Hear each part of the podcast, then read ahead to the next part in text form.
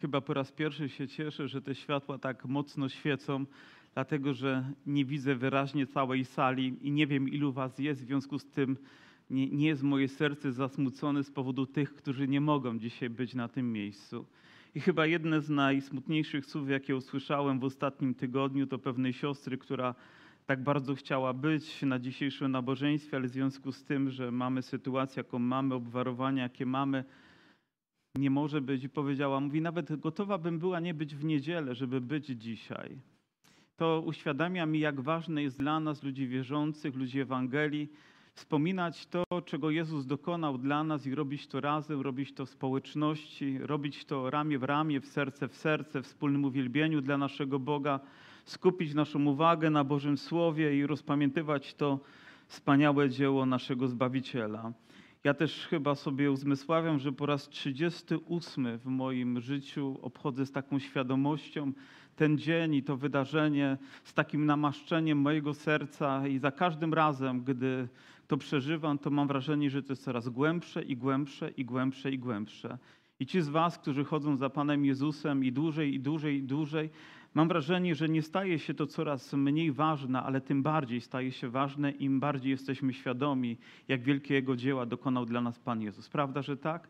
I cieszę się, drogie siostry, że możemy i bracia być razem. I dzisiaj rozpoczniemy tą wspólną naszą podróż przy stole pańskim i spożywaniu chleba i wina od słów z Ewangelii Marka z rozdziału 14. I od pięknej historii, która jest tutaj opisana, wydarzyła się w domu Szymona Trędowatego w mieście Betania. I oto na scenie pojawia się pewna kobieta, która przyniosła słoik czystego oleju nardowego, bardzo kosztownego, stukła alabastrowy słoik i wylała olejek na, na głowę jego. A niektórzy mówili z oburzeniem między sobą, na cóż ta strata olejku?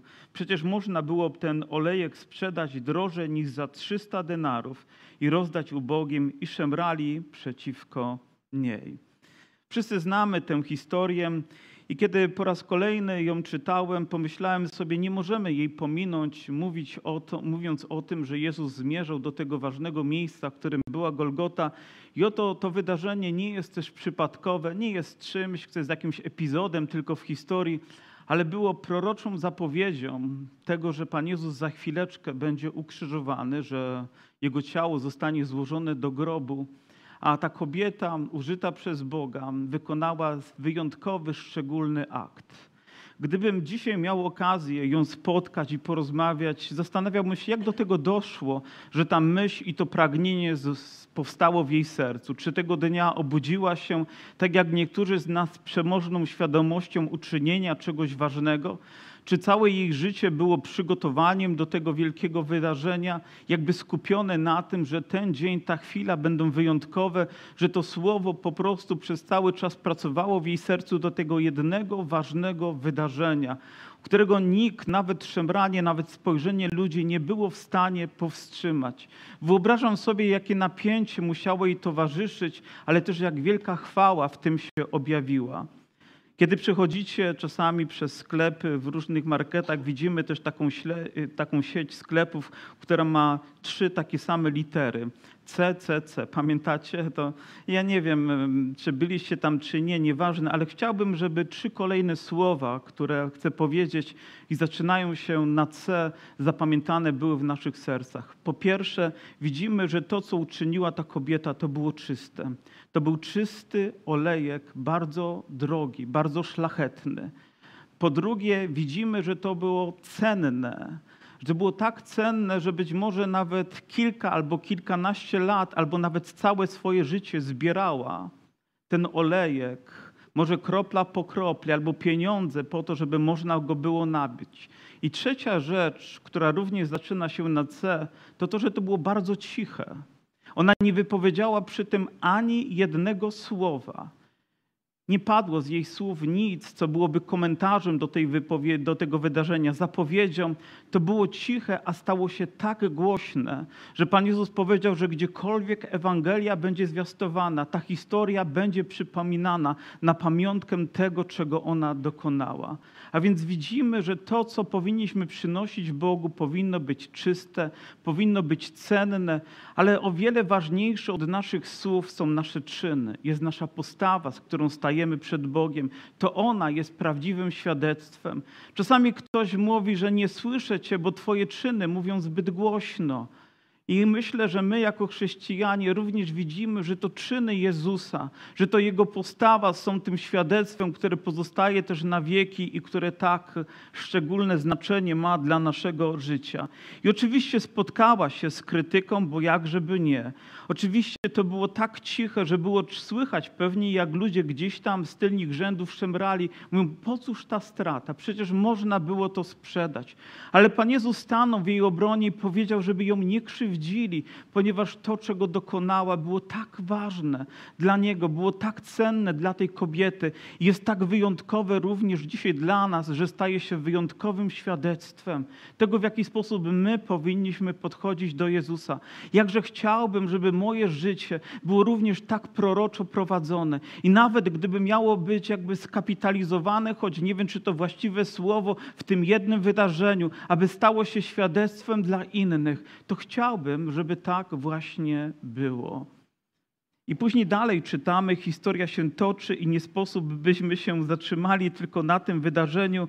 Jezus zapowiada, że będzie zdradzony, że zostanie opuszczony przez ludzi, że on zostanie uderzony, a ludzie się rozproszą, a później przechodzimy do wydarzenia, na którym my dzisiaj skupimy naszą uwagę. To jest ostatnia wieczerza, przynajmniej tak ją nazywamy. A w pierwszy dzień prześników, kiedy zabijali baranka wielkanocnego, zapytali go uczniowie jego, gdzie chcesz, abyśmy poszli i przygotowali ci wieczerzę paschalną. I posłał dwóch uczniów swoich i rzekł im, idźcie do miasta i, spot, i spotka się z wami człowiek niosący dzban wody, za nim idźcie. A gdziekolwiek by wszedł, powiedzcie gospodarzowi, nauczyciel mówi, gdzie jest moja izba, w której mógłbym spożyć wieczerzę paschalną z uczniami moimi. Od dobrego pytania rozpoczyna się ta historia. Gdzie chcesz, Panie, abyśmy to uczynili? Pytają samego Jezusa, a Jezus odpowiada im prostymi słowami, które wymagają prostego posłuszeństwa. I myślę, że właśnie takim jest Boże Słowo. Ono jest proste i ono realizuje się z wielką mocą i z wielką chwałą, kiedy my po prostu okazujemy Mu posłuszeństwo. Gdzie chcesz, Panie? Czyż nie tak dzisiaj powinniśmy pytać, Panie, co Ty chcesz? Czego Ty oczekujesz od nas jako od Kościoła? Powiem, jak mamy to zrobić? Co uwielbi Twoje imię? A później to, co Jezus im zapowiedział, jest świadectwem tego, w jaki sposób Bóg prowadzi każde swoje Boże dziecko. Każdego z nas. To jest ponadnaturalne, choć jest tak zwyczajne. Oto pójdziecie, spotkacie człowieka, on będzie niósł dzban wody, będzie to, będzie to dla was znak rozpoznawczy, wejdziecie do pewnego domu, wejdziecie za nim, spytacie gospodarza i on wam wskaże i po prostu tak to popłynęło. Ale jeżeli jesteś Bożym dzieckiem, być może każdy twój dzień wygląda z pozoru zwyczajnie, ale takim nie jest, bo odkąd stałaś się własnością Jezusa, odkąd należysz do swojego Pana, każdy dzień jest Jego prowadzeniem. Każdy dzień jest okazaną nam łaską i chwałą, którą Bóg daje naszemu życiu. Czyż tak nie jest? Nagle nawet zwykłe okoliczności zamieniają się w wspaniałe świadectwo dla Niego, jeśli pozwolimy Mu się prowadzić w Jego słowie. Nie musisz oczekiwać nie wiadomo czego, pozwól, aby każdy krok, który stawiasz, był postawiony w wierze, w zaufaniu. Gdy Bóg mówi do ciebie, On oczekuje od nas prostego aktu posłuszeństwa. I wierzę, że Bóg przez takie okoliczności niezwykłe porusza się również i w naszym życiu. I oczywiście Pan Jezus mówi tutaj o jednym z tych, którzy teraz są blisko Niego. Nawet w jednej misie razem z Nim ten człowiek macza rękę czy macza dłonie, a później wiemy, że za chwilę go zdradzi. Jezus to zapowiada, ale jakby nie powstrzymuje go to, by wziąć chleb, o czym czytamy w 22 wierszu. A gdy on jedli, wziął chleb i pobłogosławił, łamał i dawał im i rzekł: Bierzcie, to jest ciało moje. Potem wziął kielich, podziękował, dał im i pili z niego wszyscy i rzekł im: To jest krew moja nowego przymierza, która się za wielu wylewa. Kiedy słyszę słowo wielu, jakże dziękuję, że w tej wielości również jest zawarte moje osobiste życie. Że Jezus wziął ten chleb, pobłogosławił i zaczął łamać i podawał uczniom. Proszę zwróćcie uwagę nawet w jaki sposób to Jezus robi. On bierze, łamie chleb i podaje uczniom, i podaje uczniom, podaje każdemu z nich indywidualnie. Być może jego spojrzenie spotyka się z ich spojrzeniem, oni wyciągają rękę, aby wziąć, ale było to bardzo osobiste. Myślę, że taką właśnie jest wieczerza. Jest naszą osobistą społecznością z Bogiem. To Jezus wyciąga do nas swoje ręce. Dzisiaj wiemy, że nie są to fizyczne ręce. Dzisiaj wiemy, że to my musimy wyciągnąć swoją rękę, żeby wziąć kawałek chleba i napić się z kielicha pańskiego, ale wciąż wierzę, że to Jezus wyciąga swoją rękę, aby dać nam chleb, aby podać nam wino, aby powiedzieć: Moje dziecko, moja córko, mój synu, to nowe przymierze, które ja zawarłem z Tobą. Za chwileczkę przekonamy się, jak wielka cena temu towarzyszy. Oni nawet nie byli świadomi tego w tym przynajmniej momencie, co się wydarzy. Po prostu sięgali po chleb i pili, ale później, gdy sobie to uzmysłowili, pewnie uznali, w jak wyjątkowym wydarzeniu mieli udział. I dzisiaj to też jest tylko, wydaje się, kawałek chleba i trochę wina, ale uzmysławiamy sobie, jak wielkim przymierzu uczestniczy nasze życie. Jak wielka cena została zapłacona, abyśmy mogli stać się własnością Jezusa Chrystusa, aby Jego ręce wyciągnięte do nas były rękami, którymi On nas błogosławi poprzez to, czego dokonał dla każdego z nas, która wylewa się za wielu. Wiemy, jak cenna jest ta krew i pieśni nam o tym przypominały. I w tym momencie, gdy Jezus wykonuje ten niezwykły akt, oto za chwileczkę zapowiada, że oni zaprą się Go, że zgorszą się Nim, że zostaną rozproszeni i On pozostanie sam. Ale oczywiście wśród nich jest ten jeden śmiałek, który na imię ma Piotr i mówi, Panie, choćby wszyscy się zgorszyli, to jednak nie ja. Ja tego nie zrobię. Myślę, że Wielką arogancją jest stwierdzać, że jesteśmy lepsi od innych, że jesteśmy ważniejsi od innych, że jesteśmy odważniejsi od innych, gdy stawiamy siebie ponad innymi. W społeczności ludzi wierzących tylko Jezus może być postawiony ponad nami wszystkimi. Tylko On jest tym, który jest najważniejszy. Tylko On jest tym, który został wywyższony. W porównaniu z Nim my wszyscy powinniśmy być, obrazowo mówiąc, na kolanach przed Jego obliczem dla Jego chwały. I myślę, że taka zapowiedź wydaje się niemal aktem wiary, bohaterstwa, ale kiedy człowiek zaczyna polegać na sobie samym, nie na Jezusie, nie na Jego ofierze, nie na Jego przelanej krwi, to wcześniej czy później poniesie porażkę.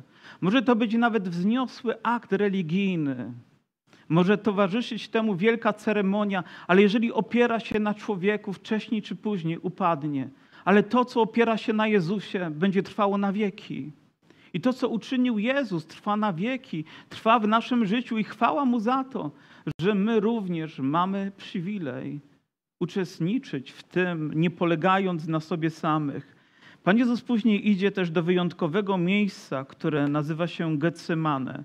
Innymi słowy, tłocznia oliwek tam prasa ściskała oliwki, aby wydobyć z nich to, co cenne, to, co szlachetne, to, co olej. Być może nawet sam ten fakt jest symboliczny, ponieważ wiemy, jak wielkiej próbie jest tutaj poddany też Jezus. I Pan Jezus mówi do swoich uczniów, siądźcie tutaj, aż się pomodlę. Może nawet i w ten sposób Pan Jezus chciał pokazać uczniom, że gdy przychodzimy przez trudności, gdy staczamy jakąś walkę, jak ważna w naszym życiu jest modlitwa. Niedawno słuchałem pewnego człowieka, który mówił o duchowej walce, o niebezpieczeństwach, o napięciach, jakie towarzyszą, o też naukach, które się wkradają do życia ludzi wierzących. I mówi: Największą ochroną dla naszego życia jest modlitwa, jest modlitwa. I nieustannie, niemal co drugą frazę, to jest modlitwa. I myślę, że taką ona jest dla nas, a przykładem tego jest Jezus. Nie wiem, co ty robisz, gdy przechodzisz przez trudności. Możesz szukać ukojenia w źródłach tego świata, ale znajdziesz je tylko u stóp Jezusa. Znajdziesz je tylko tam, gdzie uklękniesz, gdy wzniesiesz swoje ręce i zawołasz do Boga. Gwarantuję ci, że przyjdzie odpowiedź. Gwarantuję Ci, że przyjdzie ukojenie, bo Jezus jest tego dowodem, Jezus jest tego przykładem, Jezus jest tego gwarancją również dla uczniów. Mam nadzieję, że tę lekcję zapamiętali na długo w swoim życiu. On wziął z sobą Piotra, Jakuba i Jana, i oni też są świadkami tego wydarzenia. Poczuł się niepokoić i trwożyć. I to może takie dziwne słowa w odniesieniu do Jezusa, ale on wiedział, jak wielka walka za chwilę będzie stoczona. I czasami takie uczucia również i nami targają. Nie mówcie, że nie. Jeżeli ktoś by powiedział, że nigdy się nie trwożył, nawet jako wierzący, że nigdy nie miał jakiejś obawy, również jako wierzący, to ja jako wierzący powiem, nie wierzę ponieważ znam siebie, ponieważ znam ludzi, ponieważ znam nasze emocje, znam uczucia, które nam towarzyszą. Czasami przychodzi trwoga, czasami przychodzi trudność, ale mamy Jezusa, mamy modlitwę i mamy rozwiązanie każdej sytuacji. I On też y, mówi: Smętna jest dusza moja aż do śmierci. Pozostańcie tu i czuwajcie. Potem postąpił nieco dalej, padł na ziemię i modlił się, aby jeśli to możliwe, ominęła go ta godzina. Przecież wiemy dobrze, że Pan Jezus znał swojego Ojca i sam powiedział, że u Boga nie ma rzeczy niemożliwych, a w tym momencie jakby przeczy temu, co mówił wcześniej. Jakby chciał poszukać innej drogi, powiem łatwiejszej, wygodniejszej. Wiedział, co spadnie na niego, i wielu biblistów, wielu komentatorów Słowa Bożego, którzy przeszli przez ten fragment nie raz, nie dwa i może nawet więcej niż 38 razy w swoim życiu, są świadomi tego, że Jezus nie mówił tylko o cierpieniu, które miało na niego spaść, że za chwilę jego ręce zostaną przybite, nogi przybite, że korona cierniowa będzie włożona na jego czoło, ale że ciężar spadnie na jego życie wszystkich grzechów Gdzie gdyby tylko moje grzechy spadły na Jezusa, są wystarczające, by przybić jakiegoś człowieka. Gdyby Twoje grzechy tylko zostały tam umieszczone, są wystarczające, by się trwożyć i lękać. Ale gdy myślimy o wszystkich grzechach, o każdej nieprawości, o każdym złu, które się pojawiło, pojawia na świecie i ono zostało złożone, myślę, jak wielki musiał być to ciężar, ale mówi Abba, ojcze, mówi tato, ojcze, ty wszystko możesz. Oddaj ten kielich ode mnie, wszakże nie co ja chcę, ale co ty. W tej walce, którą Pan Jezus toczy tam w Getsemane, w tym boju, który też jest tak niezwykły, że mamy nawet inny opis, który mówi, że krwawy pot pojawił się na jego czole, co oznacza napięciu, któremu towarzyszyło, że pod skórą pękały naczynia krwionośne, łącząc się z potem, występowały na zewnątrz. A więc krew wygląda na to nie tylko na Golgocie była, ale już w Getsemane została zostawiona z powodu walki, którą Jezus toczył za nas. Mówi, wszakże nie ja, ale co Ty chcesz.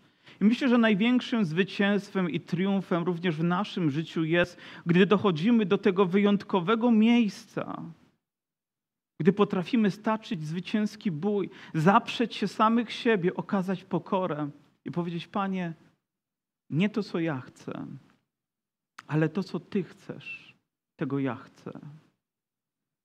Jestem gotowy wyrzec się samego siebie, byś tylko Ty miał chwałę.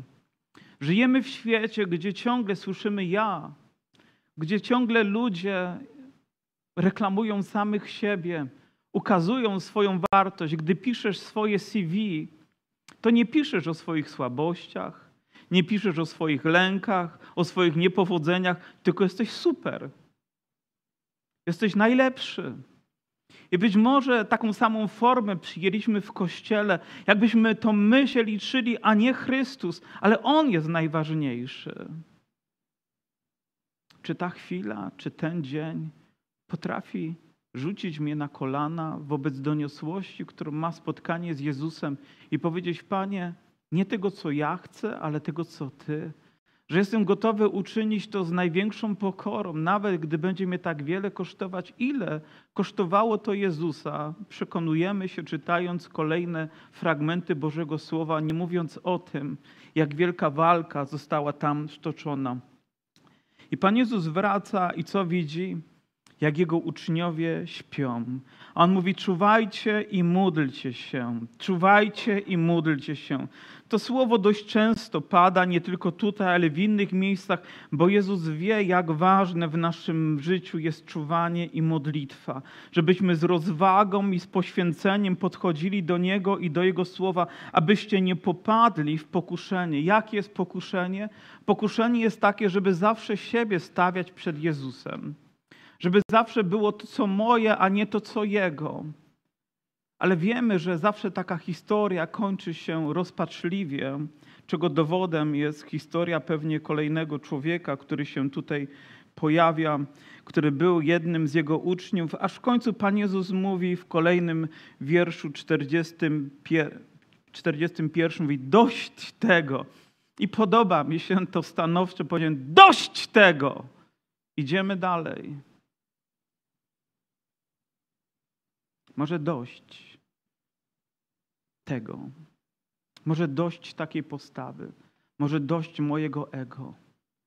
Może dość prezentowania samego siebie. Dość. Najważniejszy jest Chrystus. Nieważne, ilu ludzi szemrze, ile ludzi mówi, ważne jest to, żeby On ze wszystkiego miał chwałę. I później pojawia się na scenie Judasz, który podchodzi do Jezusa i tak zwyczajnie, tak po prostu całuje go. Wiecie, jakie to smutne, gdy czyta się taką rzecz w Ewangelii, że jeden z jego uczniów, który chodził z nim przez tak długi czas, który widział tak wiele cudów, w tak haniebny sposób postępuje, podchodzi i całuje jak gdyby nigdy nic. Ale to był zdradziecki pocałunek. To nie był pocałunek przyjaciela. To nie był pocałunek wyrażający, nie wiem, bliskość, relacji, jaką ma. To był pocałunek, który skazywał ludziom, którzy przyszli razem z nim, aby jego pojmali. I w tym momencie nie tylko został pojmany, ale ci, którzy byli tak blisko niego, rozproszyli się. A później dwa wiersze, które nie, nie pojawiają się w żadnej innej relacji w Ewangeliach, tylko w Ewangelii Marka, dotyczące pewnego młodzieńca. Pewien młodzieniec, mając narzucone prześcieradło na gołe ciało, szedł za nim, pochwycili go, ale on pozostawił prześcieradło i uciekł nagi. Jaka teologia, powiem, jaka nauka może wyniknąć z takiego krótkiego fragmentu? Powiem, dlaczego akurat te dwa wiersze zostały umieszczone w Ewangelii Marka? Czy ktoś z Was zastanawiał się wcześniej nad tym? Przecież nie ma tutaj nic, co byłoby jakąś naprawdę wielką głębią. Nie wiem, czy jakaś pieśń na ten temat została mm, napisana przez kogoś, skomponowana, jakaś poezja albo jakaś scena odegrana tego. Być może na pamiątkę tego wydarzenia. Wiecie, jeden z komentatorów słowa mówi tak, że najprawdopodobniej, ale ja też nie mówię na pewno, najprawdopodobniej to mógł być Marek to mógł być ewangelista. Jakby nie wypadało mu umieszczać tam samego siebie, ale tak zapamiętał, że jakby słysząc w domu, nie wiem, może słowa Judasza, które gdzieś za oknem padało do ludzi, którym się umawiał, że zdradzi Jezusa, gdzieś budzi się, wybiega, tylko narzuca na siebie prześcieradło, żeby ostrzec, ale jest już za późno. Są tam wszyscy, którzy pojmują Jezusa i dlatego też ucieka z powrotem do domu. To jedna tylko z hipotez. Ja mam też inną, która jest mi bliska, która jest powiązana wcześniej z fragmentem, który mówi o bogatym młodzieńcu, który przyszedł do Jezusa i który tak, tak bardzo chciał wiedzieć, co ma czynić, żeby odziedziczyć życie wieczne. I Pan Jezus mówi, jednego ci tylko brak, zostaw to wszystko i chodź, naśladuj mnie, rozdaj ubogim, a stanie się tak naprawdę bogatym we mnie. Oczywiście idę nieco dalej, parafrazując inne słowa Pana Jezusa. Może to On nawrócił się gdzieś po drodze. Może to on zmienił swoje życie i przyszedł, nie wiemy. Może to podpis Marka, w tej Ewangelii, a może to świadectwo tamtego człowieka, ale tak się stało. A później widzimy sąd, który odbywa się nad Jezusem. Oto zabrał się Sanhedryn. Sanhedryn powinien zbierać się w określonym miejscu. To było gdzieś w świątyni, w sali kamiennej, ponoć tak ona się nazywała. Miało być 70 czy 71 tam mężów. Nie wolno im było, o ile wiemy, robić tego w nocy. A oni złamali to wszystko. Spotkali się w nocy, spotkali się nie w tym miejscu, byle tylko znaleźć jakąś winę i oskarżyć Jezusa. Myślę, że to niefajne, kiedy gdzieś słyszymy ktoś w nocy, dlaczego się spotyka, podejmuje jakieś decyzje. Jakby, jakby sama kanwa tego już mówi o złu, które gdzieś tam się czai, że nie jest to zrobione gdzieś w świetle, gdzieś tak, żeby wszyscy też mogli się dowiedzieć, żeby nikt nie miał co do tego cienia wątpliwości, że zostało to zrobione w sposób prawy. Oni tak po prostu postąpili i znajdowali też ludzi, którzy zaczęli mówić jakieś fałszywe świadectwo przeciwko Jezusowi.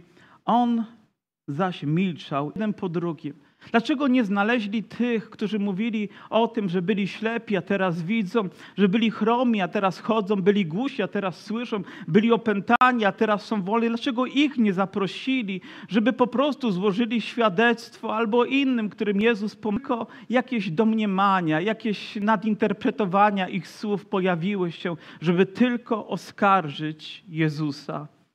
A później znowu pytał go arcykapłan i rzekł mu: Czy ty jesteś Chrystus, syn błogosławionego? I tutaj Jezus nie milczy. I tutaj Jezus nie odpowiada pytaniem na pytanie. Tutaj Jezus nie odpowiada przypowieścią ale odpowiada w bardzo bezpośredni sposób. I dzisiejsze nabożeństwo właśnie tak zatytułowałem, bo dla mnie te słowa są tak ważne. Gdy czytam całą Biblię, widzę, jak one padają, gdy Bóg mówi do Abrahama: Jam jest. Który, Pan, który cię wywiódł z Ur Chaldejskich i prowadzę cię do ziemi obietnicy. Później Mojżesz słyszy: Jam jest Bóg Abrahama, Izaaka i Jakuba. Słyszymy, jak Pan Jezus też przychodzi do swoich uczniów, gdy oni są zatworzeni, gdy idzie po wodzie i mówi: Jam jest. I później w Ewangelii Jana, Jam jest zmartwychwstanie, i później w Księdze Objawienia czytamy: Jam jest Alfa i Omega, Jam jest początek i koniec. I Pan Jezus wskazuje tutaj na siebie w bardzo wyjątkowy sposób. Mówi: Jam jest i ujrzycie Syna Człowieczego siedzącego na prawicy mocy Bożej i przychodzącego z obłokami niebieskimi. Pan Jezus mówi, jam jest. I na te słowa nie mógł być ten człowiek obojętny, rozdarł swoje szaty, wyraził w ten sposób oburzenie. Mówi, nie godzi się takich rzeczy słuchać. Mówi, nie potrzebujemy więcej świadectw. Pan Jezus w ten sposób powiedział koniec, koniec domysłów. W tak bezpośredni sposób, jak mało gdzie, mówi o sobie, kim jest, jakim jest. Mówi, jam jest. I On dzisiaj również mówi do nas, do Kościoła, mówi, jam jest. Jam jest tym samym wiecznym, świętym, pełnym chwały Bogiem. Jam jest tym, który ma wszelką moc na niebie i na ziemi. Jam jest. I On dzisiaj jest na tym miejscu. On dzisiaj jest w naszych sercach. On dzisiaj jest w naszym życiu. Mówi, jam jest. Oczywiście Pewnie ten człowiek nawet nie słyszy tego, co mówi później Jezus. Jego emocje mu nie pozwalają, jego oburzenie mu nie pozwala, jego religijność mu na to nie pozwala, ale nam pozwala usłyszeć. Jam jest tym, który siedzi na tronie obok Ojca. Jam jest tym, który przyjdzie w obłoka, w chwale, w wielkiej mocy.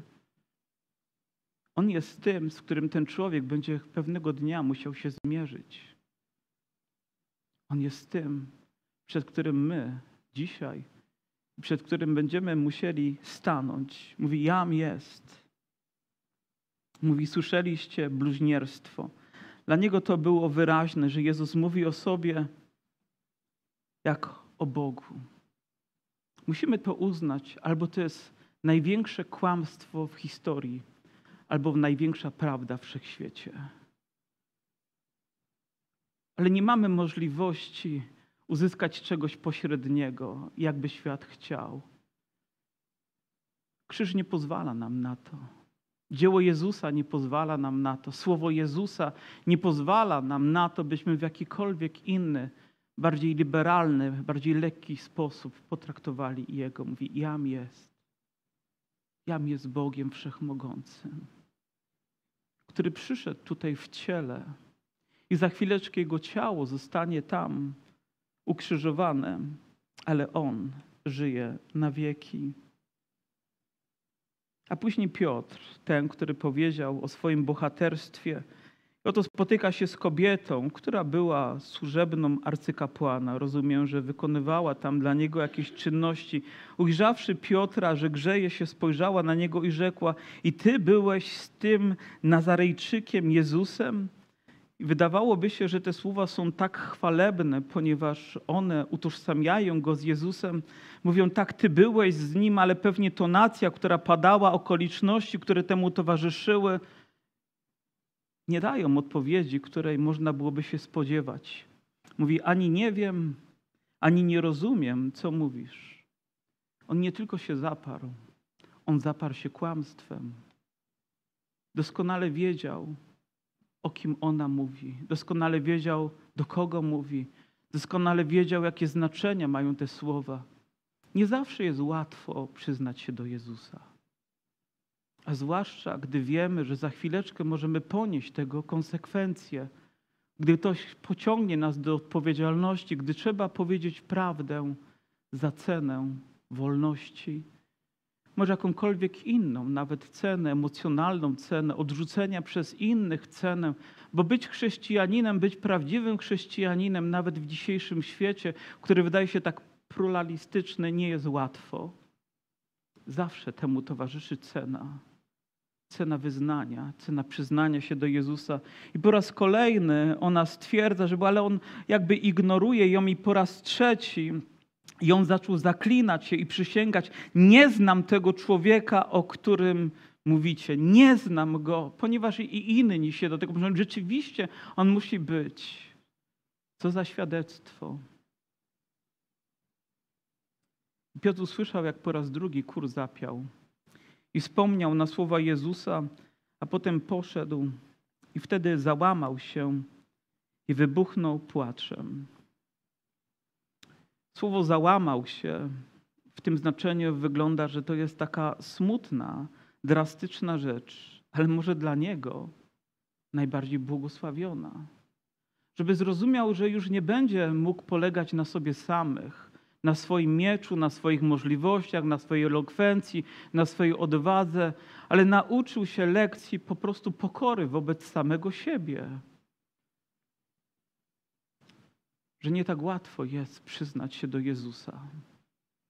Kiedy próbujemy to robić w mocy ciała, kiedy próbujemy służyć w mocy ciała, w mocy naszych możliwości, zawsze będzie to wiązało się z jakimś załamaniem, z jakąś tragedią, ale może w takich chwilach, kiedy to zrozumiemy, uzmysłowimy sobie, zrodzi się coś większego, coś szlachetniejszego, coś piękniejszego i za chwileczkę znowu jest poprowadzony przez, można powiedzieć, władze świeckie, rzymskie, przed Piłata, który jest jego reprezentantem. Bowiem Żydzi dobrze wiedzieli, uczeni w piśmie wiedzieli, że oni mogą sobie tutaj porozmawiać, mogą skazać Jezusa, ale gdyby to zrobili bez władzy rzymskiej, oni popełniliby morderstwo, a więc potrzebowali w to jeszcze ubrać ich, aby oni skazali go, aby oni go zaprowadzili na krzyż, aby oni go przybili. Innymi słowy, ich rękami chcieli to zrobić i zaprowadzili przed Piłata. I Piłat, nie do, jak wiemy, nie doszukiwał się w niczym, czy nie, do, nie doszukał się w nim nic złego. I nawet chciał jakby ratować go, powiedział, no jest taki zwyczaj, że możemy wypuścić jednego zbrodniarza i był tam akurat Barabasz, który był przywódcą jakiejś rewolty, z powodu której też zginął w morderstwie jakiś człowiek, a innymi słowy był mordercą i oto Jezus z nadzieją, że oni jednak Jezusa wybiorą, nie tego, który jest mordercą, ale Jezusa. I kogo mam wypuścić? A oni krzyczą, wypuść nam. To wy powiedzieliście. A ja mam, miałem nadzieję, że powiedzieć, wypuść nam Jezusa. Ponieważ tak łatwo jest pójść za opinią innych, za głosem innych ludzi, których przebija się tak głośno, tak medialnie, tak nakręca, tak eskaluje emocje. Jak trudno jest w tym świecie, gdy wszyscy krzyczą powiedzieć, ale ja chcę Jezusa, ja chcę należeć do Niego, gdy rodzina, gdy przyjaciele mówią nie, gdy wybierają inne standardy, mówią ja nie, ja chcę Jezusa. Niełatwo jest wybrać Jezusa. Również i dzisiaj, nawet na tym miejscu, gdy siedzimy, i gdy wydaje nam się, że jesteśmy tak blisko, możemy być tak daleko. Ale On chce, byśmy wybrali Jego, zwłaszcza dzisiaj, zwłaszcza teraz. Może nawet po raz kolejny. Panie, wybieramy Ciebie. On nie uczynił nic złego, a oni, krzyżo, oni krzyczeli: Ukrzyżuj go, ukrzyżuj go. Nie mieli argumentów, tylko mieli wyrok, który wykrzyczeli w całej swej nienawiści i złości: Ukrzyżuj go, ukrzyżuj go. Wiecie, nieraz oglądam jakieś sceny, gdzie ludzie Ewangelii nawet stają gdzieś na ulicy i próbują, myślę, że w łagodny sposób mówić o Jezusie. Nie krzyczą na innych ludzi, ale po prostu mówią, może czytają Biblię, a ludzie przechodzą i z pogardą, i z oburzeniem. Co ty tutaj robisz? Jakie masz prawo do tego, żeby stać? Jakie masz prawo, by mówić o Jezusie? Oczywiście o wszystkich innych rzeczach można tam mówić, można zło pokazywać, można bluźniercze rzeczy pokazywać wszędzie, ale o Jezusie nie, nie, nie można. Nie można, a powinno się mówić. Może głośniej i wyraźniej niż kiedykolwiek wcześniej, prawda? Stanąć po stronie Jezusa, stanąć po stronie moralności, po stronie uczciwości, po stronie czystości, po stronie szlachetności, nawet za cenę, gdy ludzie będą domagali się wyroków, potępienia. Chciałbym, żebyśmy mieli taką wiarę, by powiedzieć: Wybieramy Jezusa. Wybieramy Go. I nawet żołnierze zaczęli drwić z niego. Bądź pozdrowiony, królu żydowski.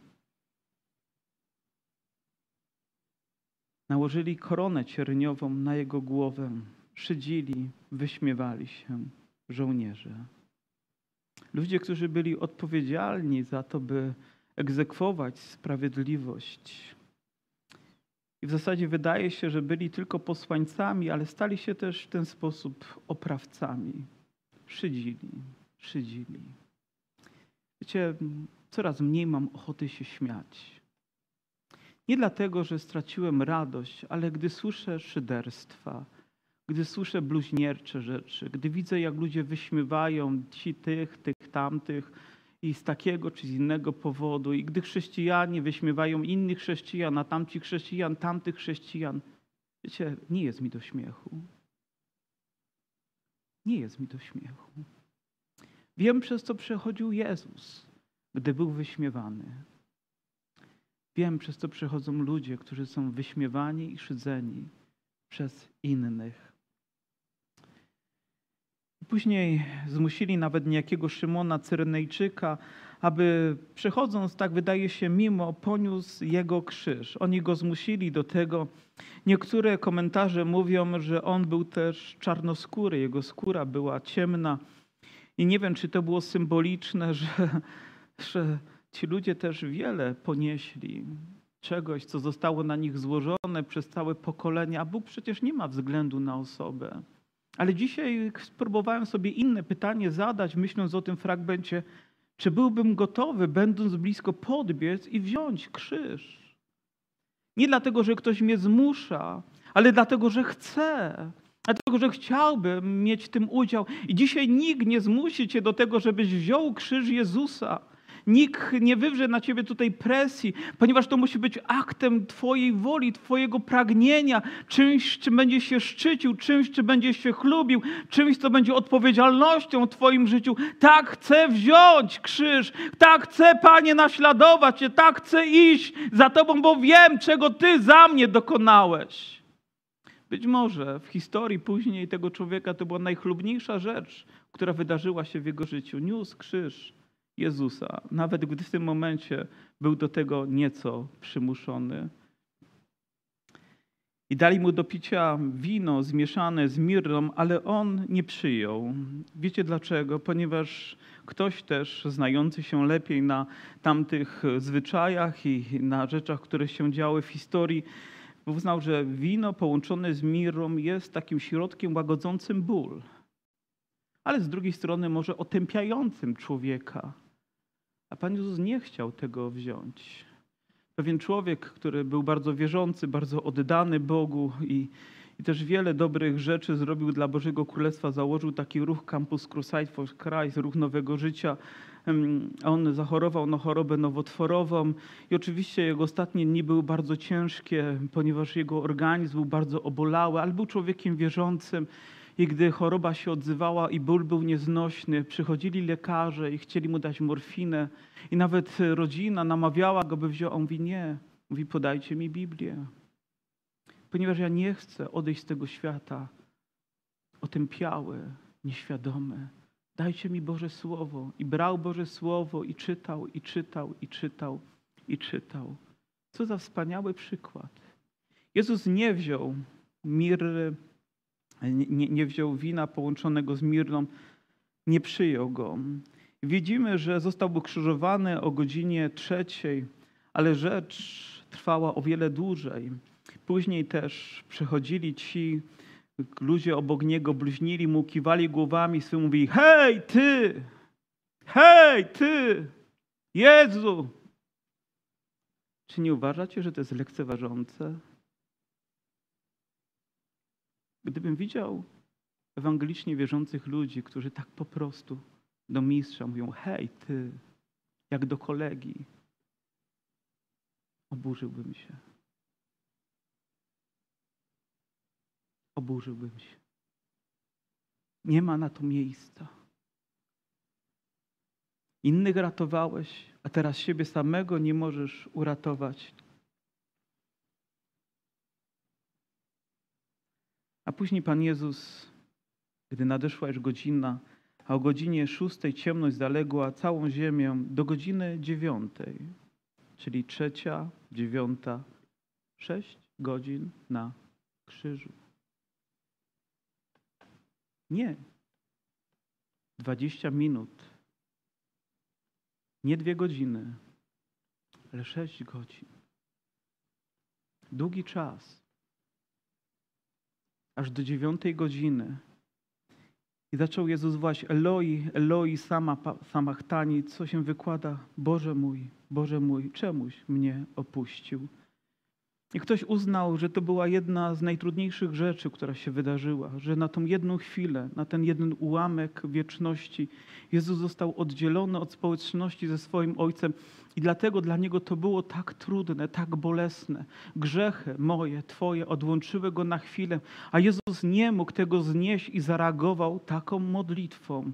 I to jest wytłumaczenie tego fragmentu. Oczywiście nie wszyscy to rozumieli, i w tym momencie zasłona rozdarła się na dwoje świątyni od góry na dół, i dla mnie to też nie przypada, ale znak ingerencji Bożej i był człowiek setnik, który gdy patrzył na to, powiedział: Zaprawdę ten człowiek był synem Bożym. Może to pierwsze takie nawrócenie, pierwsza taka rzecz, która ma miejsce zaraz po śmierci Jezusa, i jest to setnik, jest to jeden z tych żołnierzy, którzy tam stali, a więc jego serce zostało tym przemienione przemienione, a później widzimy pogrzeb Jezusa i ostatnia myśl, która jest z tym związana. A oto, a gdy już nadszedł wieczór, i to był bowiem dzień przygotowania, który się jest przed sabatem. Przyszedł Józef z Arymatei, znakomity członek Rady, który też oczekiwał Królestwa Bożego. On śmiało przyszedł do Piotra i prosi, do Piłata, przepraszam, i prosił o ciało Jezusa. On śmiało przyszedł i prosił Piłata o ciało Jezusa. Co w tym jest takiego niezwykłego? Odwaga tego zwykłego człowieka, o którym nie czytamy praktycznie wcześniej. On teraz staje przed Piłatem, patrzy mu w oczy i mówi: Chcę Jezusa. Nie wie, jak Piłat może w tym momencie zareagować. Nie wie, jaki wyrok może wydać na niego z tego powodu, ale ma odwagę to zrobić. I wiecie, tak postępuje prawdziwy mężczyzna. Ma odwagę upomnieć się o to, co dla niego jest tak ważne i cenne. Ma odwagę stanąć przed władzami tego świata i zaświadczyć: chcę, Chce, oczywiście, że wziął ciało Jezusa, kupił prześcieradło, zawinął, a później złożył w grobie, który należał do niego. I być może nawet był bardzo cenny, ale zrobił to z taką odwagą. Jakżebym chciał zobaczyć mężczyzn, braci, Bożą rodzinę, was tutaj zebranych, byśmy z taką odwagą dzisiaj stanęli, wiedząc, czego dokonał dla nas Jezus, mieć taką niezłomną wiarę i powiedzieć: Tak, chcę Jezusa, tak wybieram Jezusa, tak zgadzam się z tym, czego On dla mnie dokonał, tak pragnę tego całym moim sercem. Bądź bohaterem swojej wiary. Nie chowaj się za plecami innych. Wyjdź. Może nawet inni bardziej na to zasługiwali. Dlaczego nie Piotr? Dlaczego nie Tomasz? Dlaczego nie inni? Ale właśnie ten człowiek stanął przed Piłatem i powiedział: Daj mi jego ciało, chcę je pochować. Co za bohaterstwo gdy przychodzisz do zgromadzenia, Duch Święty naciera na Twoje serce i mówi: Uwielbij Jezusa, a Ty mówisz: Nie, nie, nie, zrobię to później we własnym domu. Jeżeli przed zgromadzeniem nie miałbym odwagi wyznać, kim jest Jezus, to jaka jest moja wiara? Co z moim bohaterstwem? Co z moim wyznaniem? Tutaj, na tym miejscu, teraz możesz być bohaterem, możesz powiedzieć: Tak, chcę Jezusa, wybieram Jezusa, chcę dla Niego żyć, chcę Go uwielbić, chcę Mu podziękować za Jego wielką ofiarę, której dokonał dla mnie. Tak, to jest wiara.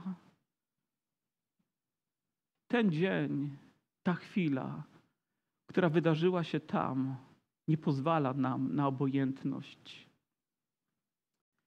Krzyż jest ciężki. Krzyż jest trudny. Krzyż jest bolesny. Ale gdyby takim nie był, nie byłby krzyżem.